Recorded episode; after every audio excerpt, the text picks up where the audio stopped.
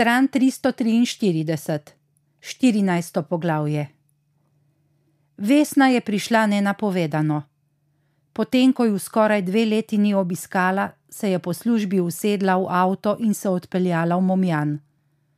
Vidva sta na drugi strani meje, so bile njene prve besede, ko je vstopila. Kot bi nekdo začrtal mejo sredi mene. Razmejili so nas, vse nas so razmejili. Med mano, mojo mamo in mojim očetom so potegnili črto. Zdaj nekdo odloča o tem, ali jaz lahko vidim svoje starše. Jana in Aleksandar sta jo poslušala, kakor bi bila spet najstnica in bi jima govorila o panku, o otrocih socializma in o vi ofenzivi, o svetu, za katerega sta bila že dolgo prestara, da bi ga lahko razumela. Nista si znala predstavljati mejnega prehoda tam, ker ga nikoli ni bilo. Nista si zmogla v glavi naslikati podobe hrvaških in slovenskih carinikov, kako vsak dan na svojem bregu Dragonje ustavljajo avtomobile. Vesna pa je govorila kot ljudje, ki se bojijo utihniti, in nemogoče je bilo ugotoviti, kdaj je njena zgodba o mejnih prehodih postala zgodba o izgubljenem možu. Govorila je o Safetu, a prehitro in preveč nepovezano, da bi Aleksandar in Jana lahko sledila. Razmetavala je besede in imena, kraj in časi so neulovljivo frčali po prostoru. Aleksandar in Jana sta jo zato vse manj poslušala in vse bolj gledala, prepričana, da je to ena tistih zgodb, ki se jo da razumeti edino, če ti uspe preslišati izrečene besede. Jana je v nekem trenutku ustala, prisedla k njej in jo prijela za roko. Vesna je takrat prekinila svojo pripoved. Po licu so iztekle solze. Nikoli nisi prestar, da bi bil otrok, in Vesna si je vse od Safetovega odhoda za en kratek trenutek želela biti nebogljena, se stisniti k nekomu iščoč to lažbe. A ko se je Vesna iz bližine zazrla v Jano, je uzrla enako nebogljeno punčko. Obrnila se je k Aleksandru z razprtimi zeleno-rjavimi vprašaji na mesto zenic, upajoč, da ji bo njen oče pojasnil, kdo je ta otročič v materinem telesu. A on ni slišal vprašanja. Vesna ni dolgo zdržala v bližini tujke, ki bi ji morala reči mama. Ko je stopila skozi vrata hiše, jo je imelo, da bi samo hodila, hotela je čim prej stran, samo hoditi je hotela, a jo je ustavila misel na carinike, ki bi jo pričakali nedaleč od tot.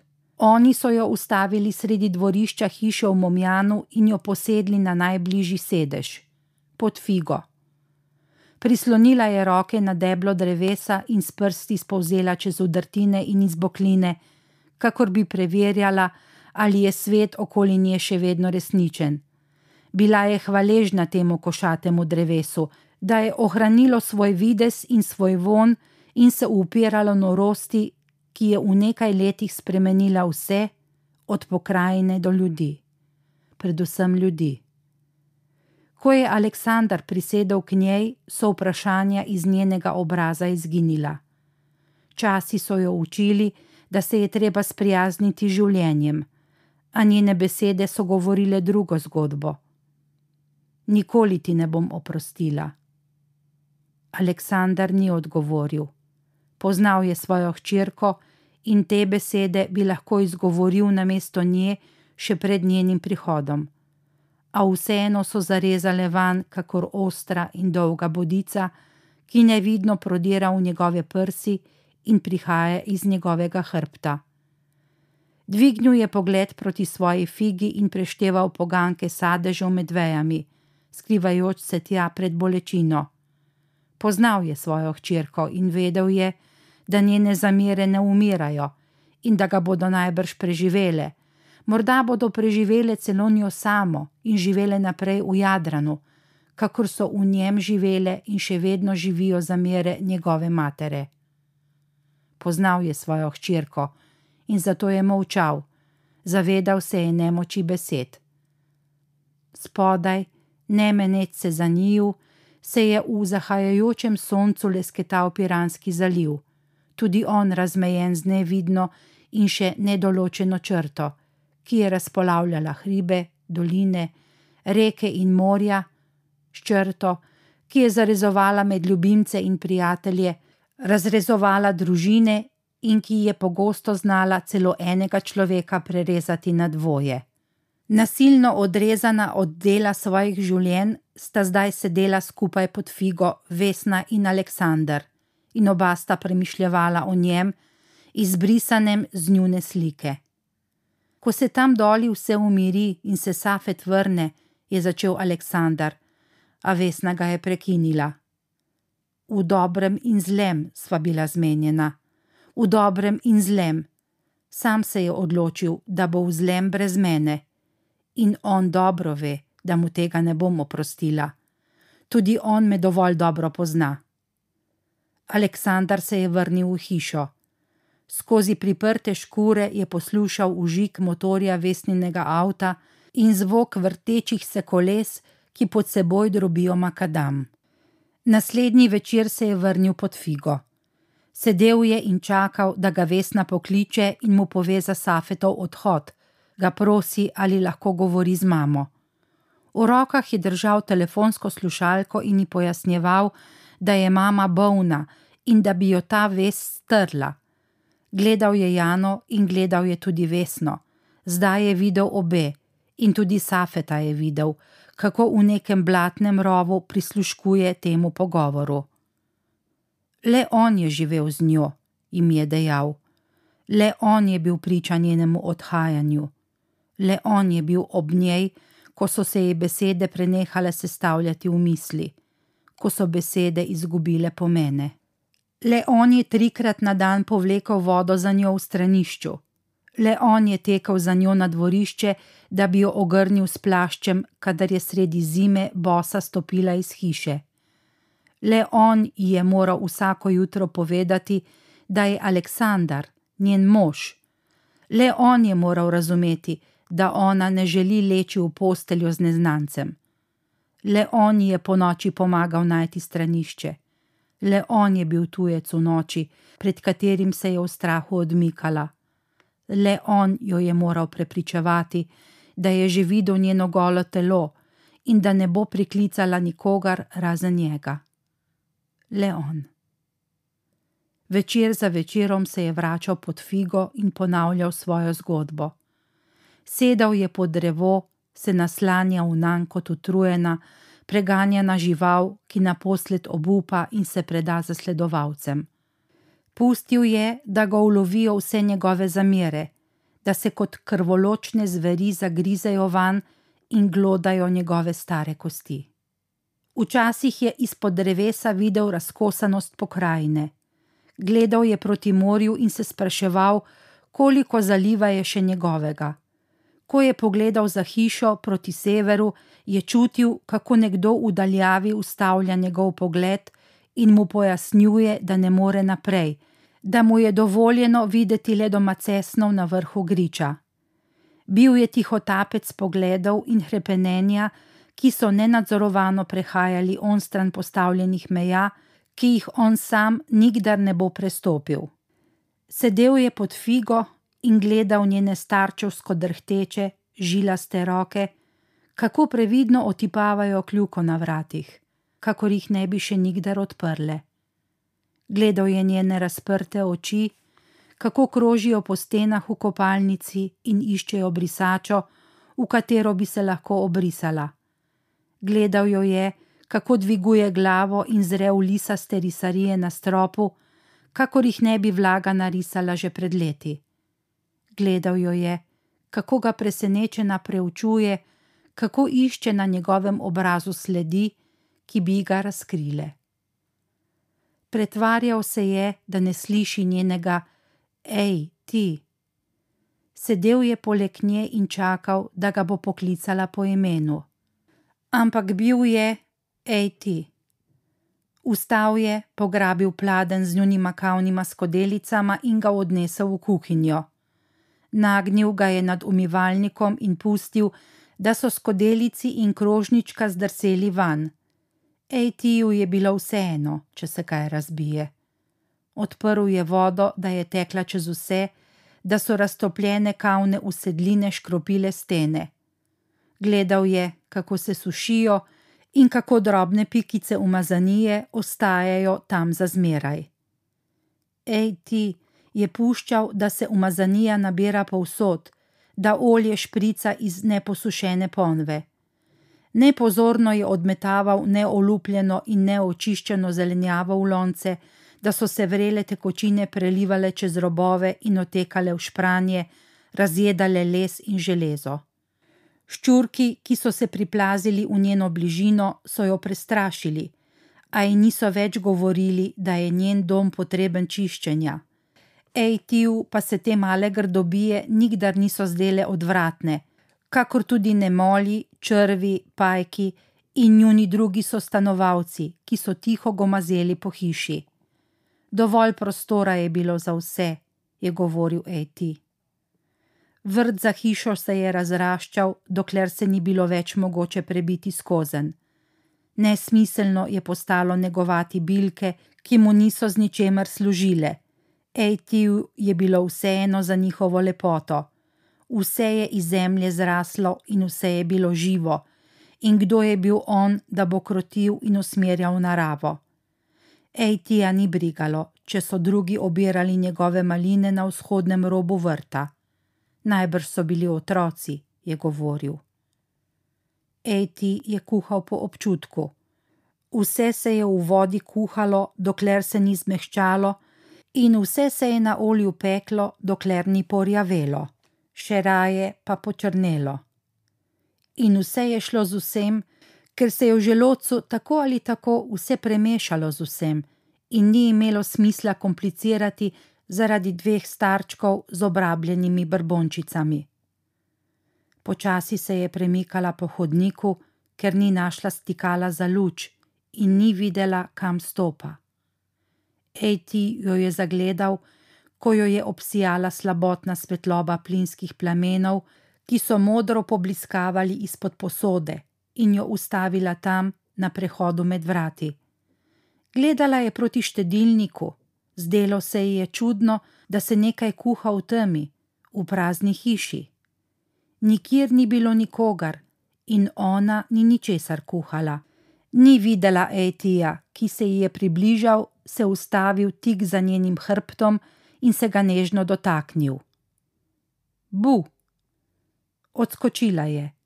Hotela je zakričati, a ni zmogla ustvariti glasu. Bruhnila je zrak iz sebe in hlastaje vdihnila, kakor bi jo dušilo.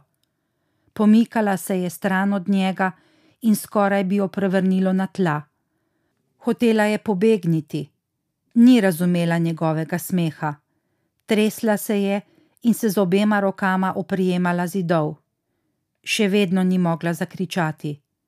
Dušilo jo je in odpirala je usta, a ni mogla vdihniti.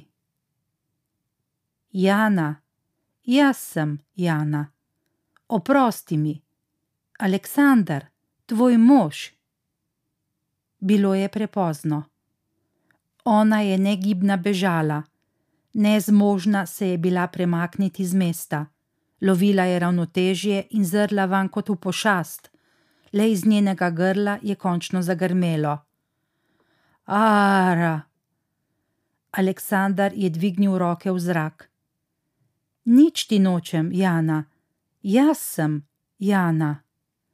Bejš, bejš, šic, šic, tja, tja. Obračala se je in njena roka se je obračala z njo in kazala na vse strani. Jana, jaz sem, me vidiš, vse je v redu, jaz sem, tvoj Aleksandar. Njena leva roka ga je še vedno usmerjala stran od sebe, a njen glas se je ponovno izgubil. Zdaj je dihala hitro in plitvo. Poskusil se ji je približati, a je videl, kako se je z desno roko nalahno dotaknila svojih prsi in se ni upal več premakniti. To noč ni odšel v posteljo. Danilo se je, ko je zaspal, naslonjen na vrata spalnice, v katero se je umaknila pred njim.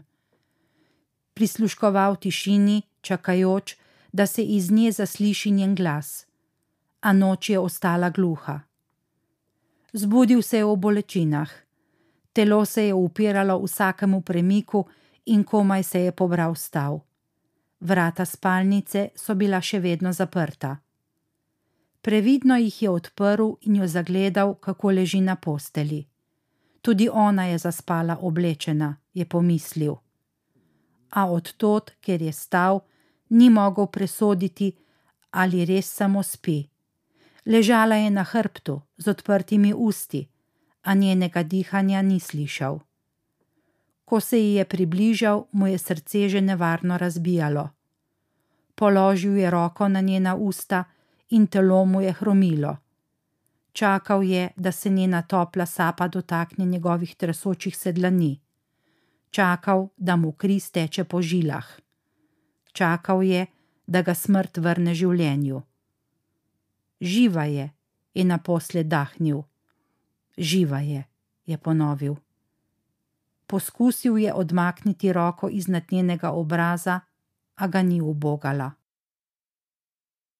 Stran 349 Von zasušenega urina je udaril van.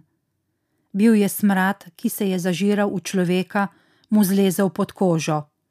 Kot bi poscana ležala že dneve, je pomislil. Na posteli pod njo je otipal velik moker madež. Na to je ugledal njene odprte, izbuljene oči. Prestrašile so ga, da je odskočil nazaj. Polulala si se, je rekel.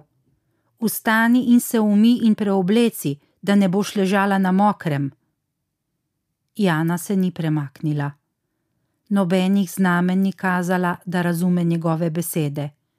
Iz nje je zijala van le sinočnja groza. Ni dobro, da ležiš v mokrem, prehladila se boš. Ni se odzivala. Njene zakrčene pesti so stiskale odejo pod njo, najbrž z vso močjo, kar je je še premogla. Aleksandar se je pomaknil še bolj nazaj. Potipaj, boš videla, da je mokro. Zdaj je bil z eno nogo že zunaj sobe in njena leva roka je spustila odejo ter se počasi premaknila proti mednožju. Gledal je, kako tipa mokroto med nogama. Stal je le dva, morda tri metre stran, a se mu je zdelo, da gleda v nekaj neskončno oddaljenega. To telo, ki se je otipavalo, ni pripadalo več nikomor. To je bila le še podoba telesa. Zapri, zapri vrata, je zaupilo telo in on jih je zaprl. Telo je prišlo ven, ovito v rjuho. Druga vrata levo je kopalnica, mu je rekel.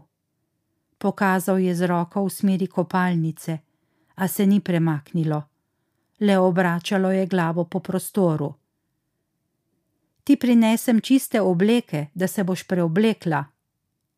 Ni mu odgovorilo. Nekaj časa je še stalo tam, potem pa se je vrnilo v spalnico. Čez čas je očkrnil vrata. Jana je sedela na posteli, še vedno ovita v rjuho. A prideš na zajtrk? Ne, je rekla. Kratko in odsekano. Malo zatem je vstopil k njej s pladnjem, na katerem je bilo nekaj rezin kruha z marmelado in skodelica kakava. Odložil ga je poleg nje na nočno omarico. Jana je vstala z postelje in se usedla na njegov naslanjač. Ni se spomnil, da bi se že kdaj usedla van. Bilo jo je nenavadno opazovati, kako se poskuša udobneje namestiti v njem. Moraš jest, je rekel. Odkimala je. Moraš jest, da boš lahko vzela zdravilo. Me slišiš? Moraš nekaj pojesti, da boš lahko potem vzela zdravila. Spet je odkimala. Prav, saj grem, Ampak pojej to. Prosim te, Jana, pojej to. Ko se je vrnil, je opazil, da je pojedla manjši kos kruha in naredila dolg požirek kakava. Manj kot običajno, a ta dan je bilo to za njo obilna pojedina. Odnesel je ostanke hrane v kuhinjo in ji prinesel tablete za pritisk in kozarec vode. Tudi tokrat je samo odkimala. Zdravila moraš vzeti. Jana, prosim, to so resne stvari, nehaj se zajebavati. Nikdar prej se ni upirala jemanju zdravil. Aleksandar je stal pred njo, v eni roki držal tableto, v drugi kozarec, ona pa se je obračala vse bolj stran od njega. Naposled je obraz zarila v naslanjač. Jeben ti, Jana, ne delaj mi tega, lepo te prosim. Ne moreva se iti igrit zdravili. Noge je spodvila podse in sedela na kolenih. Kot otrok se je zvila v klopčič in sploh ni videl njene glave. Jana, Jana, nehaj, Jana, prosim te, nehaj. Ven, Jana, to so zdravila, to ni zajebancija. Pusti me, Jana, ven, šic, Jana, šic, Jana, šic, šic. Odložil je kozarec, jo zgrabil za roko in povlekel k sebi. Stisnil je lica in razprl ustnice ter potisnil tableto na jezik. Nato je segel po kozarec in izlil vodo v usta. Pogoltni, pogoltni, sem rekel. Pogoltnila je. Tako, pridna. Ko je šel iz sobe, je zaprl vrata za seboj ko je šel iz hiše, je zaklenil vrata za seboj.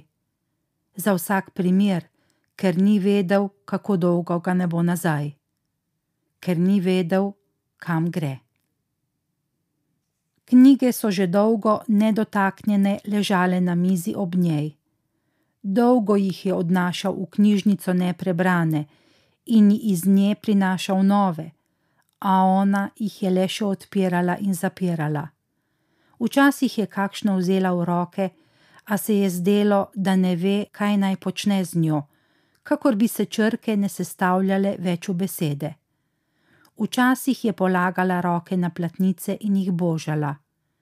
Ko se je tistega dne vrnil, je s prstom potovala po vdolbinah na platnici knjige Ivana Turgenjeva, Lovčevi zapiski.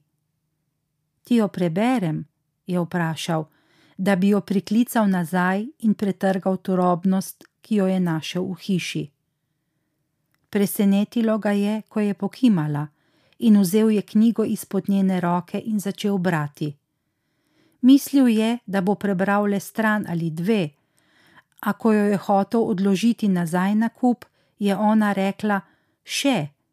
In bral je naprej, in potem je spet rekla: Še in on je bral, dokler se ni stemnilo in ni več videl črk, in se je moral ustaviti sredi strani, sredi stavka. Naslednjega jutra mu je ona sama potisnila knjigo v roke. Drugo knjigo. Knjigo Zomrseta Moma, človeške vezi.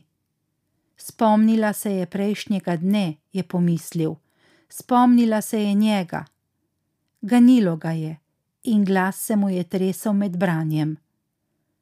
Po dolgem času je spet začutil, da nekaj prehaja med njima, da njegov glas prihaja do nje. Morda so prihajale zgolj posamezne besede, morda je bilo branje za njo le prijeten šum, malce drugačna tišina, po kateri je hrepenela. A nekaj je bilo spet med njima kar je prenočilo v njenem spominu in se zbudilo z njo. Zato je bral naprej. Skozi okno je sijalo sonce in črke v knjigi so se mu nastavljale. Ona je bila spet mirna in zdelo se je, da ga posluša, da je tu, da je spet z njim. Več si ni mogel želeti, več bi bilo preveč. Jaz bi šla rada domov, je rekla. Spet se je ustavil sredi stavka. Pol besede mu je ostalo na jeziku. Pa saj si. Ne. Ni mogel dokončati tega stavka. Ni mogel več. Ni je mogel več klicati iz njenih namišljenih svetov. Sutra te vodim kuči, je rekel, tej tujki, ki je živela v njegovem domu. Ta ženska ni bila Jana in nesmiselno je bilo govoriti z njo v jeziku, v katerem je govoril z Jano.